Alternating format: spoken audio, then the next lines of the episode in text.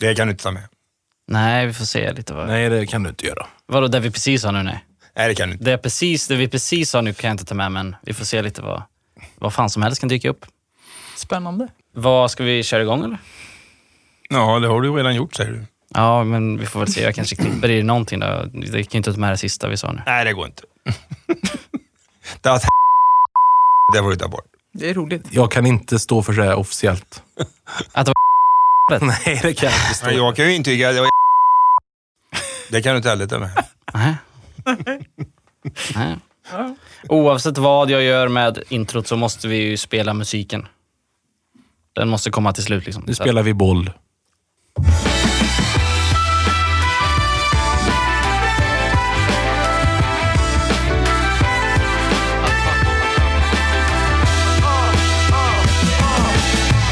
SLA Sportpodd avsnitt nummer 26 med mig Oskar Rikstrand. Och studion är som alltid full. Mitt emot mig idag, Jan Larsson. Jag är med som vanligt. Vid din sida har vi Linus Hellman. Hej Oskar. Och mitt emot dig, bredvid mig, Erik Augustsson. Jajamän. Välkomna hit, välkomna tillbaka för det 26 avsnittet alltså. Solen har nyss slutat skina utanför fönstret, men det är vårkänsla. Så jag antar att ni mår bra och att ni har haft en ganska trevlig vecka va? bakom er. Vad har hänt, Larsson? Ja, jag har, bra. Jag har haft en bra dag också. Jag har ju fått sprutan idag. Första. Vaccinkungen. Absolut, det är, så är det. det var kyrkans hus här på eftermiddagen. Det var nästan lite andlig stämning där inne, men det gick väldigt smidigt, väldigt bra. Så att, eh, nu är man väl på gång lite grann då, men eh, ja, det ska ju vara en till och sådär. Så att, eh, men bra start. För oss som inte har tagit den här sprutan än, vad hände? Hur var det? Måla upp en bild. Nej, man kom in och lämnade sina papper och sådär och blev väl mottagen. Och sen så fick man sitta och vänta en liten stund och så kom det fram en och så fick man dra upp högerarmen. Så fick man ett litet stick. Det känd, på mig kändes det inte överhuvudtaget. Så, Nej, Du, du menar att det inte gjorde ont, men jag har ju sett att du sitter lite med axeln och rör Ja, på den så här och man, känner på eh, axeln. Ska jag ha biverkningar säger de lite grann då. Så att, eh, nej, jag, jag känner absolut ingenting. Sen fick man sitta en kvart.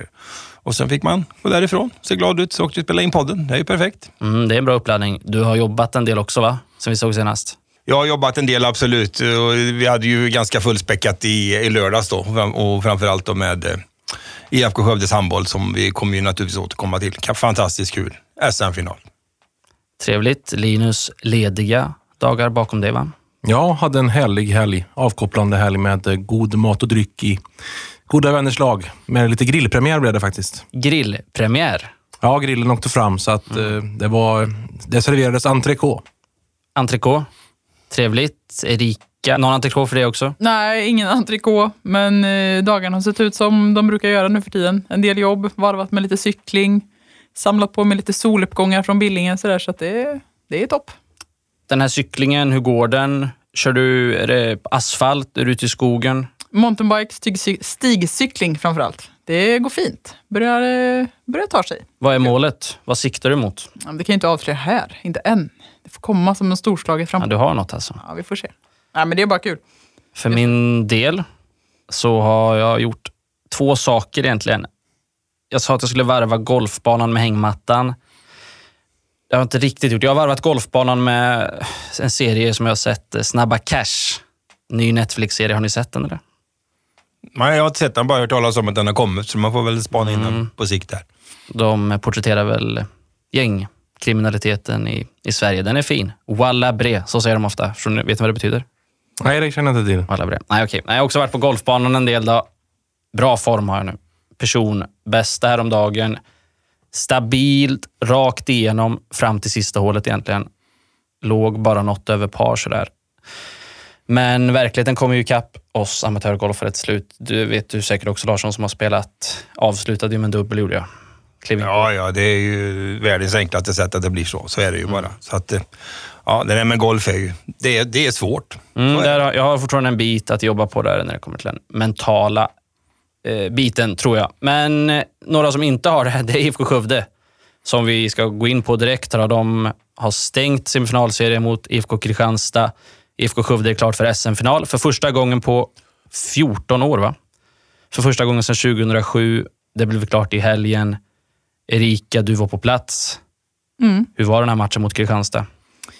Hur var matchen? Ja, det var ju flera dagar bak, så den ska man minnas här nu, men eh, det var väl spännande fram till slutet egentligen där. De hade ju, var i ledningen i paus, IFK Skövde.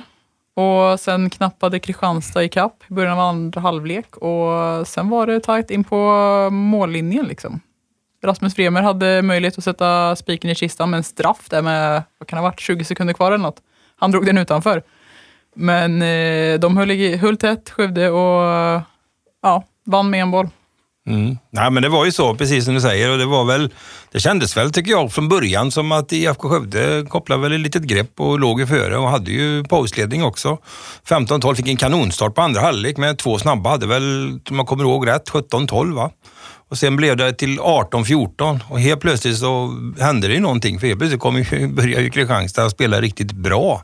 Kom till fina lägen framåt och skotten satt ju där bakom Norsten som hade kommit in i kassen. Helt plötsligt ledde de ju med 2019 och då kände man väl lite så här att mm, nu blir det nog tufft där va, men att IFK Skövde visar ju ännu en gång en förmåga att komma tillbaka och en bra arbetsmoral och hela, hela, hela det sättet. Och lyckas ju, med lite tur får man nog ändå säga, lite flyt i olika saker, lyckas hålla undan och vinna. Men det kändes väl så. Ia Skövde har ett slutspelsflyt, Kristianstad hade det inte och det såg man ännu en gång.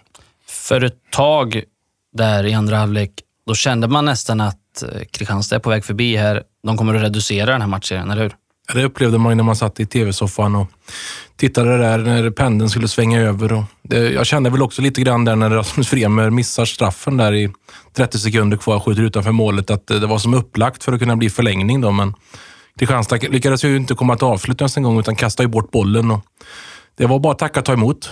Ja, och Skövde var ju alltså i ett läge där de vid förlust skulle tvingas vänta 12 dagar på nästa match. Den skulle inte ha spelat förrän 5 maj, va?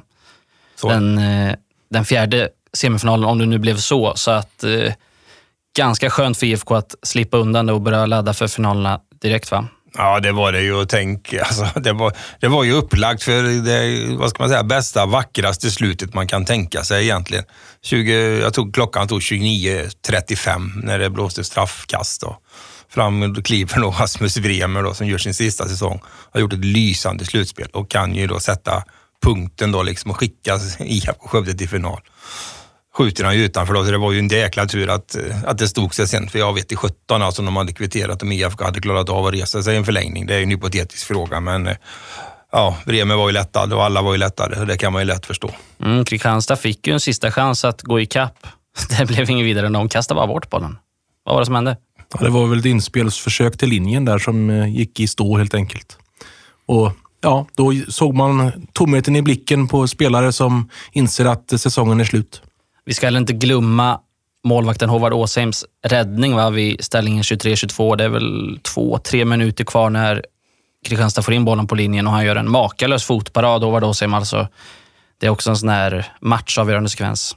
Oerhört läcker och det tror jag är en sån som exempelvis Claes Hellgren hade gått upp i falsett om han hade refererat den matchen. Absolut. Jag pratade med Håvard efter matchen där och frågade han om räddningarna där och han sa väl själv att han var inte nöjd med första halvlek. Men att det var ju skönt att få kliva fram och göra de, som, de, de räddningarna som var viktiga i slutet där. Och, ja, annars tyckte han att Kristianstad var bättre i den matchen. Ja, det blev ju så. Norrmännen blev ju tungan på vågen lite. Hans kom ju in där och Norsten fick ju starta andra halvlek och hade ju jättesvårt Tog första skottet. Sen släppte han, gick ju allting in då. Han hade inte så mycket hjälp av försvaret i hans försvar kan man väl säga, men eh, sen då byts ju han in och gör ju några riktigt viktiga räddningar alltså. Det gör han. Och sen har vi ju då vår vän kantspelaren Fredrik Mossestad också och hans insatser.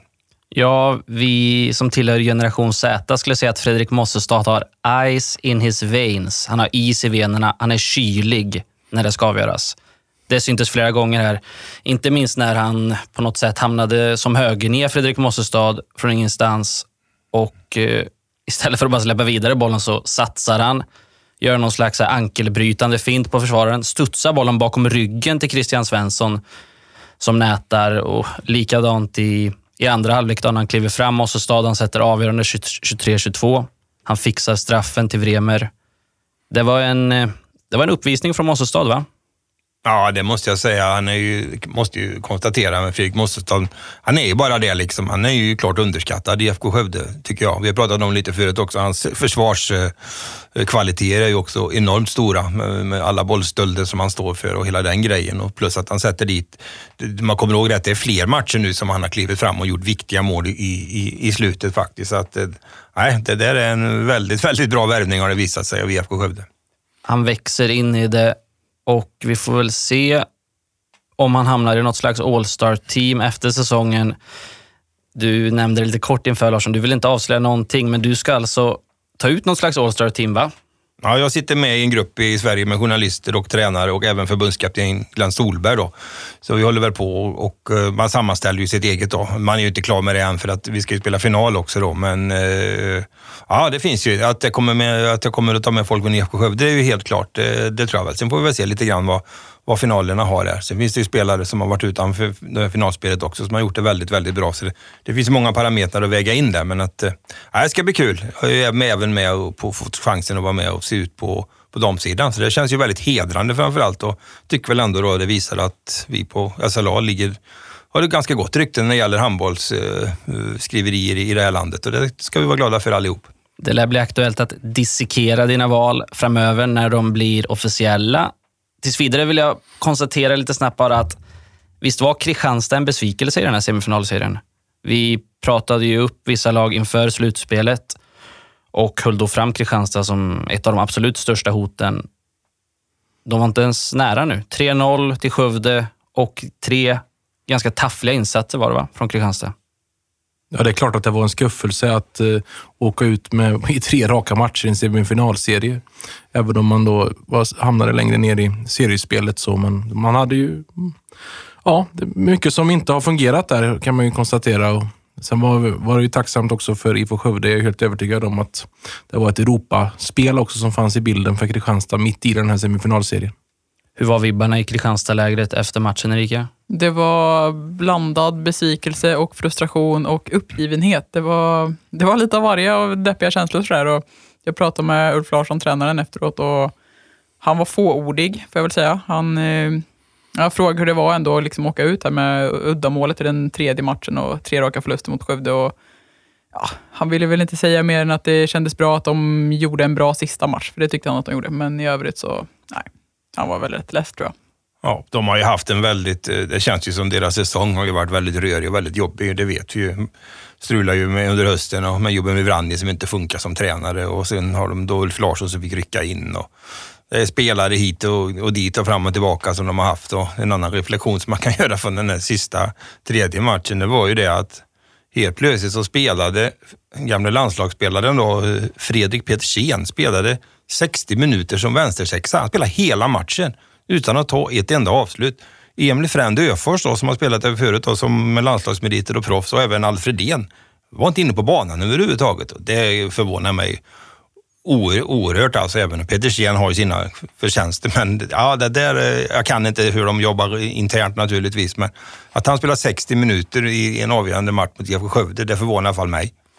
Måttstocken för IFK Kristianstad är ju att spela SM-final och nu är det ju flera år sedan man gjorde det. Man, ja, det blev ju inget slutspel förra året och året innan var det ju en finalserie mellan eh, Alingsås och Sävehof. Då, så att det då, man har varit, inte varit bortskämda med framgång de sista åren i Kristianstad och med tanke på den omsättning och de värvningar man gör. Nej, man dominerar ju fram till 2018 i princip. Sen har man ju, sen har, sen har man ju tappat. Har man gjort, trots att man ligger väldigt, väldigt långt framme både när det gäller spelarmaterial och ekonomi och satsningar och möjligheter så har man ju inte lyckats. Det är väl, där har Jonas Wille då, vår vän här från Skövde, har ju lite att, att jobba med tror jag. Och det är väl det han ser framför sig. Mm. Det blir ett projekt att sätta tänderna i för Wille. Vad tror vi händer där då? Alltså, succé var det för Jonas Wille när han kom hit. Han beskrevs som någon slags mystisk frälsartränare. Är det inte perfekt för IFK Kristianstad att få in honom här nu? Tror du Larsson? Ja, det kan det ju vara naturligtvis. Sen tror jag då att, eh, att ta sig an IFK Kristianstad då, det är ju en helt annan sak än att komma till ett IFK Skövde då, där de befann sig eh, då när han kom hit, hade ju haft tunga säsonger och lyckats få till bra nyförvärv. Det var ju som jag pratade med kollega inne på Kristianstadsbladet, Patrik Nilsson, då, sportchefskollega, han sa ju till mig också att eh, Skövde var väl så att Jonas Wille byggde upp sitt eget lag och eh, ja, så var det ju till mångt och mycket. Kristianstad har han i princip hela truppen intakt då. Så han tar över ett färdigt lag. Mittsexa måste han värva till Nyfjäll och då har han ju plockat in en ny kille nu också. Då. Men i övrigt så får han ju sätta sig och jobba då med det som finns och så. Sen ska han komma in och sätta sin prägel. Ja, det ställer stora krav tror jag på hans eh, ledarskap. Och sen vet jag att det stora grejen med, med, med Willes engagemang där, det är ju att eh, de vill ju få igång en produktion utav eh, mer eget spelare, med eget lokalt material att fylla upp sin trupp med, för de har väldigt lite sånt och det ser de honom som en, en perfekt person att göra då. För Ola Lindgren då som hade succé, det var ju liksom topp i Europa som han sa och, och det kanske man ska ha, 5000 på matcherna. Så tappar vi en storspelare, köper vi in en annan storspelare, så ligger vi kvar på toppen. Då tänker man nog jobba lite annorlunda, vad jag kan förstå. Det håller på att ske ändringar även i IFK Skövde utanför laget så har vi under veckan nåtts av nyheter att ordföranden Per Andersson slutar efter säsongen. Han ska ersättas under torsdagen, idag alltså. Samma dag som vi spelar in det här avsnittet så släppte IFK Skövde nyheten att Mats Ljungqvist lämnar som assisterande tränare efter säsongen. Vi kommer få se lite nya namn omkring IFK Skövde nästa år. Det är väl ingen vild gissning att Christian Svensson är ett bra alternativ för att bli assisterande tränare i laget, va? Vad tror ni? Ja, det ligger väl inte allt för långt bort i tankarna. Sådär. Jag ställde frågan till honom efter tredje semifinalen här igen, att jag måste ju fråga om han har bestämt sig för framtiden och han skrattade lite och sa att nej, det, det kommer inte än, men det, ja, vi får se. Så att, eh, jag tror inte att han är nöjd och kommer lägga skorna på hyllan den dagen han slutar spela i alla fall. Vi ser ju på timeouterna att han tar plats där redan nu, Christian Svensson, och eh, har ganska mycket att säga till om. Tycker ni att han skulle passa som assisterande tränare i IFK Skövde? Det tycker jag absolut att skulle, han skulle göra med den erfarenheten han har. Och du, han var ju gäst hos dig i, i den här sportpodden då på, det var väl ett antal veckor sedan och du tryckte väl lite grann på punkten där, men eh, han har fortfarande inte kommit till skott där då. Nej, Nej. precis så är det ju. Det, jag tror att oavsett vad som händer där så tror jag nog han gör sin sista säsong, men det är klart att jag har ju sagt det förut, det vore ju fantastiskt om man fick sätta punkt med ett SM-guld. Liksom. Det är samma med Bremer, det vore ju helt otroligt. Liksom. Då är ju det fullbordat för deras karriär, det kan jag säga. Ja, vilken regissering av, av ett eh, handbollsslut. Jag fick ett riktigt härligt snack med duon där efter eh, matchen i lördags. Och de fick eh, fundera lite framåt och bakåt där och jag frågade hur det skulle vara att spela SM-final igen mot Sävehof, för de har gjort det tillsammans 2005. Och ja, Bremer sa ju att det finns ingen han hellre slår i en SM-final än Sävehof. Christian sa att eh, han vill gärna ha revansch för en förlust för typ sådär 16 år sedan. Så att, eh, det är en laddad duo som helt klart kommer gå in och vilja leda sitt IFK till eh, SM-guld här nu. Det ska även bli spännande att se vem som ska ta över ordförandeklubban. Eh, Per Andersson har ju gjort ett jättejobb där. De var ju, ja, 2015 var det väl där man var över 3 miljoner i, i back i skuld så liksom, och sen har hämtat ikapp och byggt upp ett kapital nu som är, ja, det är en fantastisk resa man tar de åren, den ekonomiska resan från, ja, från konkursmässigt till eh, stabilitet.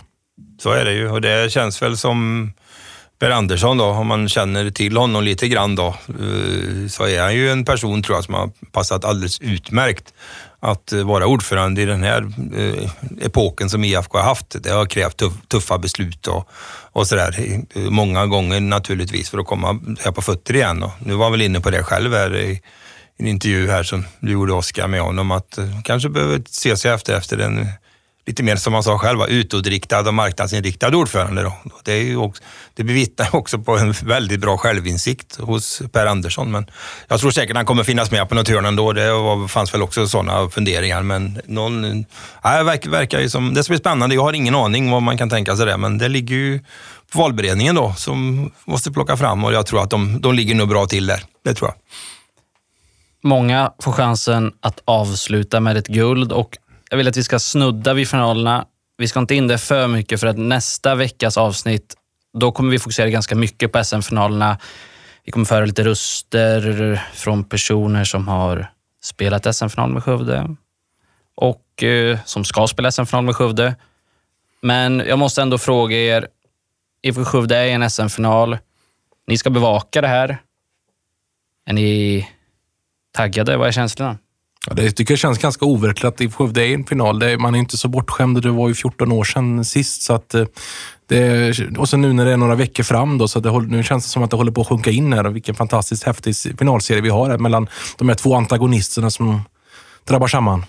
Sen är det också jättetråkigt att det i år det går så himla bra för IFK Skövde. Det är tomt på läktarna. Nej, det går ju inte att komma ifrån. Nej, det, vi har ju tjatat om det förut och det får man ju fortsätta göra, men det, det är klart att det är jättestort att de är i SM-final. Skitkul, men ja, vi saknar ju folket. Skulle Skövde vinna guld, där, Larsson, hur stort är det för handbollsstaden? Alltså pratar vi att döpa torg till Henrik Signellis torg? Alltså, ska det resas någon staty av eh, Jack Turin någonstans? Eller eh, vilket avtryck, skulle, vilket avtryck skulle det sätta i staden med ett eh, SM-guld? Ja, statyer och grejer, det, det, tror jag inte mycket på, på egentligen. Då. Men eh, det är klart att det vore jättestort och det, det, det, är ju stort. Jag menar, det här har man ju drömt om nu i massor av år egentligen, ända sedan IFK Skövde tog steget upp liksom 1990 där. Jag menar, man spelar ju hela 90-talet med, jag tror man var i åtta semifinaler. Sju av dem så torskade man ju mot RIK då, som hade ju ett, Redbergslid som hade ett fantastiskt lag och så hela den här historien på 2000-talet då. Och så den tunga nu man har haft. Så det är klart att det är stort, det är riktigt stort. Det var stort eh, när Skövde HF tog SM-guldet 2008. Det var också jättestort, eh, det måste jag säga. Det var ju fullt pådrag på torget och så vidare efter de hyllades rejält och sådär. Nu kanske det inte blir så den här gången, det blir det ju inte då, eftersom man inte får göra så. Men, nej, men det är stort och eh, det är ju precis, tror jag, vad, vad den här staden och Skövde behöver. Ett SM-guld i en ändå ganska stor lagsport. Det vore förbaskat kul. Många som lyssnar har ju sett IFK Skövdes matcher. Alla kanske inte har sett Sävehofs matcher. Vad är det för finalserie vi har att vänta oss här? Vilka håller ni som favoriter mellan Skövde och Sävehof? Ja, det, behåller, det håller jag ju Sävehof som vann serien och som har har vunnit alla sina slutspelsmatcher. Då. Städat av både kvartsfinalsmotstånd och semifinalmotstånd. Så det är ju en maskin. Men ett eh, yngre lag än vad, Skövde, än vad IF Skövde har. Så det är ju också en intressant eh, aspekt när man ska spekulera lite. Ja, tittar man bara på en eh, laguppställning med Sävehof så är det många spelare födda 99, 98, 00. Jag tror till och med att han målvakten jag tror till och med att han, att han målvakten bara är 20 år gammal, Simon Muller. Skövde har ett lag med flera äldre spelare i Dan Beck Hansen, Rickard Harnisch, Mattias Elt Jepsen, Christian Svensson, Rasmus Vremer. Ja, listan går att göra lång. Kan det vara en parameter att ta in här? Rutinen i IFK Skövde? Jo, men det kommer ju säkert spela roll såklart, men samtidigt så får man ju inte glömma att Sävehof är ett lag som de kan vinna. Alltså de, de är bra på det och det är en rutin som ska brytas där. Liksom, så att, eh, men Vinna, det är klart. Vinnarkultur där borta. Mm, ja, men exakt. Och, men det är klart, de har ju individuell eh, rutin, IFK-spelare, på ett annat sätt och har varit med liksom längre än individuella spelare i Sävehof. Men eh, som lag så vet ju Sävehof vad det handlar om. Mm, absolut, ja för mig, vi har ju pratat om det många gånger så att behöver inte fråga mig vem jag tror är favorit i och för sig, för jag har ju pratat om Sävehof egentligen hela säsongen och sett många matcher och ser ju, och jag tror väl också då att eh, för DFK Skövdes del, jag menar de möttes två seriematcher, man kan inte gå för mycket på det, men jag tror ändå de har ett spel Sävehof också som eh, kan vara lite svårtyglat för eh, IFK Skövde många gånger med, med många genombrottsstarka spelare och man är ganska finurlig också. Det minns den här Färöingen också. Skipta Gatu heter mm, han, Något sånt va? Född 2002. Mm, mm. Ja, det är fantastiskt talang. Han är ju en riktig konstnär på, på banan. Men det finns mycket där. Så, eh, så för mig så Men sen har vi en annan gammal grej som jag alltid brukar dra upp. Det är ju det att eh, Skövdelag oavsett sport genom historien, har alltid varit som bäst när de har slagit lite grann ur underläge. Jag vet inte hur många gånger man har lämnat arenor i fotboll, ishockey och handboll med det var dukat i fest och det skulle bara slås in matchbollar, det skulle vinna. Så det har gått därifrån med svansen mellan benen många gånger. Så att jag tror att för IFK Skövdes del är detta helt perfekt att Sävehof får bära hela ansvaret och det tror jag också kan tala till dem för det till slut. Så är det. Det vore ju verkligen häftigt med en finalserie som går till fem matcher nu när man har det här konceptet i, med det, tagit bort den här enskilda finaldagen. Det blev ju det senaste det spelades slutspel, då blev det ju fem matcher där mellan Sävehof och eh, Alingsås där. Och då är ju eller då är ju Sävehof regerande mästare i den aspekten. Tanken var att doppa tårna i finalvattnet. Vi var nog nere med smalbenet. Nästa vecka ska vi i alla fall göra bomben ner i den här eh, SM-finalpoolen och eh, ja, ge lyssnarna allt kring det. Nu tänker jag att vi går vidare. Om man sätter upp fingret i luften och känner av vindarna som blåser så är väl paddelvindarna en av dem. Va? Den har blåst starkt under en lång tid här nu. Det har poppat upp hallar överallt. Men för några dagar sedan kom nyheten att padden är på väg att väljas in som en riktig sport i Riksidrottsförbundet. Jag vet att det här är någonting som engagerade dig bland annat Larsson. Det kommer en ledare nästa vecka där du har satt tänderna i det här va? Ja, absolut. Jag, jag har funderat mycket runt det här och framförallt nu under, eh, ja, när man har sett hur det har sett ut här i, i Skövde och Skaraborg och jag menar både Tibro och Jo och allt vad det är. Det har ju kommit, det tillkommer ju nästan, inte en i veckan, men det är väldigt många anläggningar. Och det är väldigt många som spelar och eh, nu under pandemin då när all idrott utom den yrkesmässiga, då eh, eh, fotboll och de andra sporterna, handboll är det, har varit på paus. Då har, ju det, har det spelats mycket paddel för det är privata anläggningar på ett annat sätt som inte, och det anses väl så smittsäkert. Så där har man kunnat spela för, för full, fullt pådrag då. Så att, eh, ja, ja, absolut. Va? Så att vi får se vad som händer där. Alltså. Och, och det här att de kommer in i RF, det tror jag kommer att betyda väldigt mycket för dem. Alltså. Så padden har kommit för att stanna och det här gör ju, kommer man in i Riksidrottsförbundet, ja helt plötsligt så, så är man ju officiell när det gäller svenska mästerskap och man kommer in i de systemen när det gäller ekonomi och annat. Va? Så att då är man helt plötsligt en, en, en riktig sport om man säger så. Mm, När vi vet fortfarande inte om de kommer väljas in, va? Det är ett möte senare i maj om jag har förstått det rätt. Ja, i juni, 12 juni så har det riksidrottsmötet och det har man ju då och då väljs ju, det brukar gå till så att det är flera sporter då som vill in då. Och uh, man har ju försökt förut och då har man ju fått kalla handen och har ju berott på att man har väl hänvisat till att det är för likt squash och tennis och andra racketsporter. Men nu kan man tydligen uppvisa ett koncept där det skiljer sig så pass mycket så att man tror att de kan stå på egna ben. Vad tycker du? Ska den in? Jag tycker att de absolut ska, ska bli en, en etablerad sport. Det tycker jag definitivt att de ska bli. För att uh, är det så pass många som spelar och så pass stort som det ändå är och ute i ute i Europa framförallt så är det ju också väldigt, väldigt stort. Spanien och de här. Så det, det, ja, det är ju på väg att bli en, en stor sport. Och sen vad det betyder för andra racketsporter som tennis och så vidare, det, det, det var skrivet i stjärnorna. Så det får vi se. Alla de här hallarna som byggs, vad ska det bli av dem? Om padden inte håller uppe samma tempo?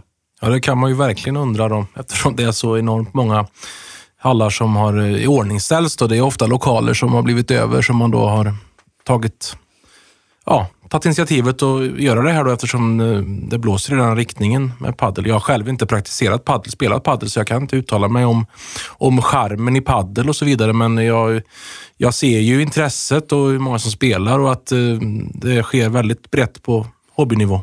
I det här rummet så är det väl du Oskar som har varit närmast och spelat. Du har väl spelat ett antal gånger. Så du kan väl, och du har väl också träffat på många av de här som vi skriver om i andra sporter i paddelhallen så att du kan bekräfta liksom det enorma intresset på plats. Ja, det kan jag absolut göra. Jag, jag, jag har inte fastnat till 100 procent, men jag har ju spelat den 30 gånger kanske. Och de flesta av de här gångerna är man ju ute eh, i två veckors förväg för att, till att börja med bara för att få en tid. Och sen kommer man in till en proppfull hall. Varje plan är full. Och som du säger, då, många av planerna är fulla med idrottsprofiler från Skövde. Många fotbollsspelare i stan gillar att spela paddel. Och eh, jag vet inte vad mer jag ska säga. Vill ni höra något om mitt eget spel eller hur, vad är, hur jag är som paddelspelare? ja, det var spännande. Du talar ju gärna om hur, hur golfen går. Spelar ju med precision före kraft. Jag har ju ingen bra smash, men jag är ganska vass på att hitta hörnen. Sen är jag ju, som man är, ojämn. Jag, alltså jag ger bort poäng gratis. Jag är en ganska skön spelare att möta på det sättet att du behöver inte pressa mig hårt för att få en poäng, utan ibland så ibland missar jag bara bollen. Sådär. Men sen är det ju så att den passar ju in för väldigt eh, många också. Det är en bra eh, motionssport då. Även om jag hörde från någon kant eh, här också, någon som pratade om någon sjukgymnast i stan som hade ju fått ganska mycket eh, människor till sig från övre medelåldern om man säger så.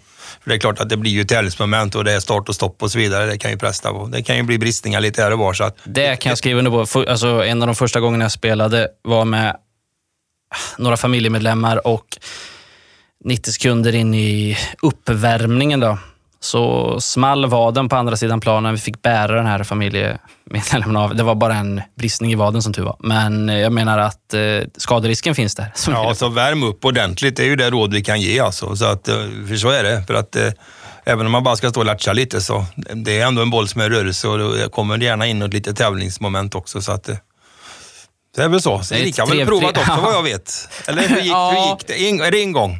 Ja, det är en gång och det stannar nog vid en gång får jag nog säga. Alltså, jag, nej, den här med bollkänsla, liksom det, varje gång jag testar så inser jag att jag har ingen. Den, alltså, den är obefintlig, så att nej.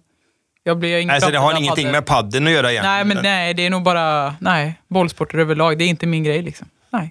Nej. Nej, men det är i alla fall kul att du tycker om att titta på dem och skriva om det. Det är jag oerhört tacksam för. Jag Exakt. vet. Ja, paddel har jag inte skrivit så mycket om nu då, men det, det, får men jag väl, tänker de det andra kanske är på gång in här då, men eh, bollsporter annars funkar. Ja. Ja, det lär väl handla, hamna det kanske då, för att eh, jag vet ju också att det har varit, eh, det pågår ju alltså något informellt ligaspel har vi gjort i Skövde, det vet jag ju. Ute i den här eh, Z-hallen där ute, så han, har man ju spelat i, i ligor och annat och sådär, i olika divisioner och så att, eh, och det är till och med väldigt populärt. Mm. Det är ett trevligt territorium vi är inne på.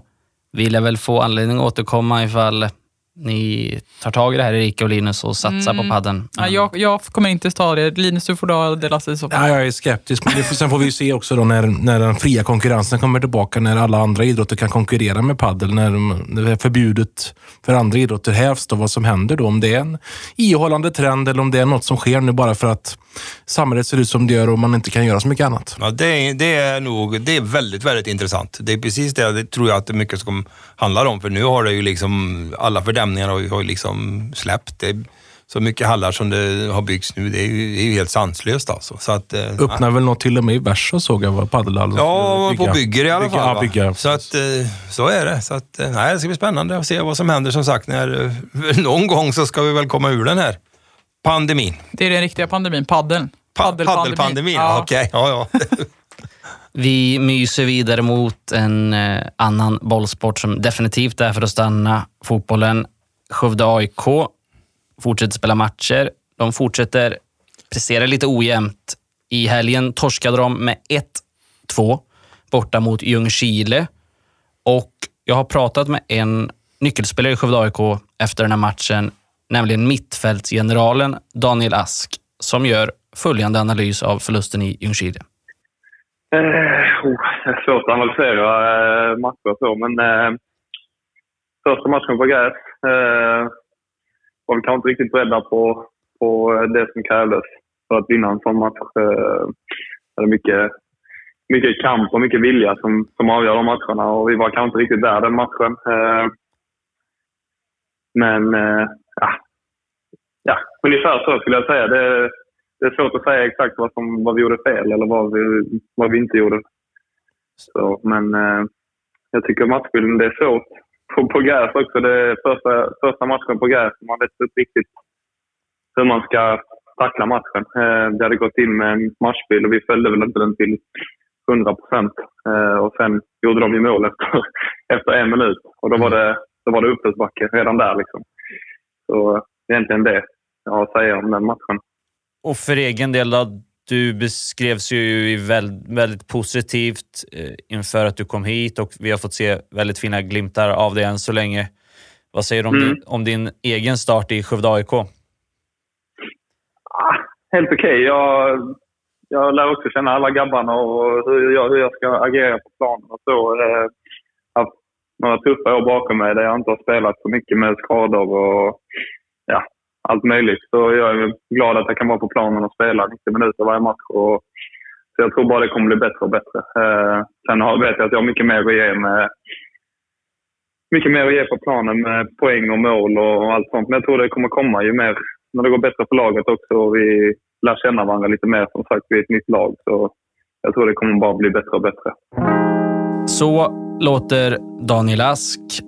Han har mer att ge, säger han. Och eh, det tvivlar vi inte på. va? Daniel Ask är en sån spelare vi har pratat en del om inför säsongen och under säsongen. Han har visat fina glimtar. Det är en stor mittfältare som kan göra en del skada mot motståndare, känns det som, i division 1. Ja, jag såg ju premiärmatchen och jag tyckte han eh, levererade utsökta passningar och eh, har en nyckelroll i Skövde AIK. Ja, det lär han få fortsättningsvis här. SAIK har alltså två segrar, två förluster. De är åtta.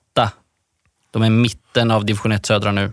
Är det där vi ska ha Skövde AIK den här säsongen? Vad tror vi? Jag tycker väl att eh, starten på serien visar att det kommer att bli, precis som vi har trott, ganska jämnt. Väldigt jämnt till och med. Det kommer bli svårt att hitta några självklara topplag kanske, även om jag var djupt imponerad av Lindomes insats mot Skövde AIK. Sen var de väl att få stryk. Sen börjar ju Vänersborg. Jag menar, det är ju, det ska inte jag vara oförskämd med Vänersborg, men ibland undrar man ju om man bara man spelar fotboll i Vänersborg överhuvudtaget, om man säger så. Va? Men de är ju, har ju börjat och nu möter ju Skövde AIK de här på fredagskvällen. Så att, eh, och de leder serien. Så att, eh, jag vet inte, det ser jämnt ut och jag tror Skövde AIK kan vara med fortfarande en bit upp. Det var ju intressant sist då, för det var ju gräspremiär då på vanligt gräs. Så det ska det väl bli nu på valborgsmässoafton också då, när man ska gå på Södermalms matta där. Mm, det blir en valborgsmässoafton med dig Linus, för mig. Vi ska spendera den ihop på Södermalms IP. Vänersborg kommer på besök. Skönt att det är gräs nu. Jag, Linus Hellman och Tobias Linderoth delar valborgsplaner. Det kanske är första gången vi gör det. Vi ska till Södermalm i alla fall. Vad har ni då för valborgsplaner? Larsson, nyvaccinerad, ut och härja på stan eller? Nej, det går ju inte. Det här är ju, nu är det alltså, eh, de, de, de, sköterskan skickade med mig två veckor är det oförändrat läge. Sen så börjar det bli, och får man lite verkan då på eh, en spruta tydligen då. Sådär, men eh, inte för fullt förrän man har fått den andra och då är det också två veckor efter. Så att eh, fram till semestern så eh, kanske det kan börja röra sig lite större kretsar som det känns. Men, men det är på rätt väg. Men vad händer på valborg? Ja, det blir ju stillsamt hemma. Jag får väl följa fotbollen också. Har du dragit igång grillen där än? Ja, vid ett tillfälle. Det kanske blir något. Det så, beror lite grann på väder, men jag har inte sett vad det ska bli för väder förresten. Det blir nog bra. okej. Ska det bli det? Ja, ja. Prata väder i podden. vad lägger du helst på grillen, Larsson? Ja, men det är ju någon god... Eh, ja, ja, köttbit naturligtvis. Eh, Något entrecote det tycker jag passar alldeles utmärkt att grilla. Sen kan jag grilla korv också. Det tycker jag är jäkligt gott. Det håller alltid. Någon kryddig korv och sådär. Öl eller vin? Ja, till köttet blir det ju vin då, men till korven blir det ju öl. Så är det. Traditionellt. Erika, ta över den här. Vad lägger du helst på grillen? Spetskål. Fy. Det är, Ja. sant, det är helt Ja. sant. Ja. Och är det där det blir på valborg här alltså? Nej, nej, det blir köpmat Okej. på valborg och så blir det en öl. Sen blir det frystorkat i helgen när jag ska ut och tälta. Tälta. Jajamän. Tälta. Ja, det är ju. Mm. Ja. Var ska det landa någonstans? ja, ni är välkomna att följa med. Det är, ja, tältet kanske är litet, men det, det blir kul. SLA Sportpodd tältar. Se om det blir avsnitt 27. Tveksamt va? Jag har aldrig tältat speciellt mycket. Jag fick inte med mig det hemifrån för min pappa är ju gammal officer på P4 och han under sin yngre dag då hade de ju sån här förbandsövning, det är mycket övning och så. Och då sa han till när jag var semester att jag sover så mycket i tält under året så jag tänker inte sova i tält på semester. Så så hade vi det. Men du har aldrig tältat? Jo, det har jag gjort, men inte så mycket. Inte det här, det här riktigt... Nej, lite grann, men inte mycket. Kan ju upplysa om att det finns ju faktiskt hotell också. Ja, Jaha. Ja, jag är van att bo i husbil annars, men det, nej, tält det, ja, det är fint alltså. Det blir fint. ja, härligt. Frystorkat och Ja, och fyra plusgrader. hör ju. Är Kanske, kanske en burköl på det också. Vi får se. Ja, den kanske fryser då. Något ja, måste gå men innanför västen. Ja, Vi lever ju i ett fritt land och det är väl tur det. ja det är tur. Med det så tänker jag att vi ska lämna våra lyssnare. Jag säger tack till er som har levererat bra här i studion. Tack själv. Ja, tack själv. Och så säger vi farväl till lyssnarna så ses vi igen nästa vecka. Hej då. Hej, Ha det så hej. bra.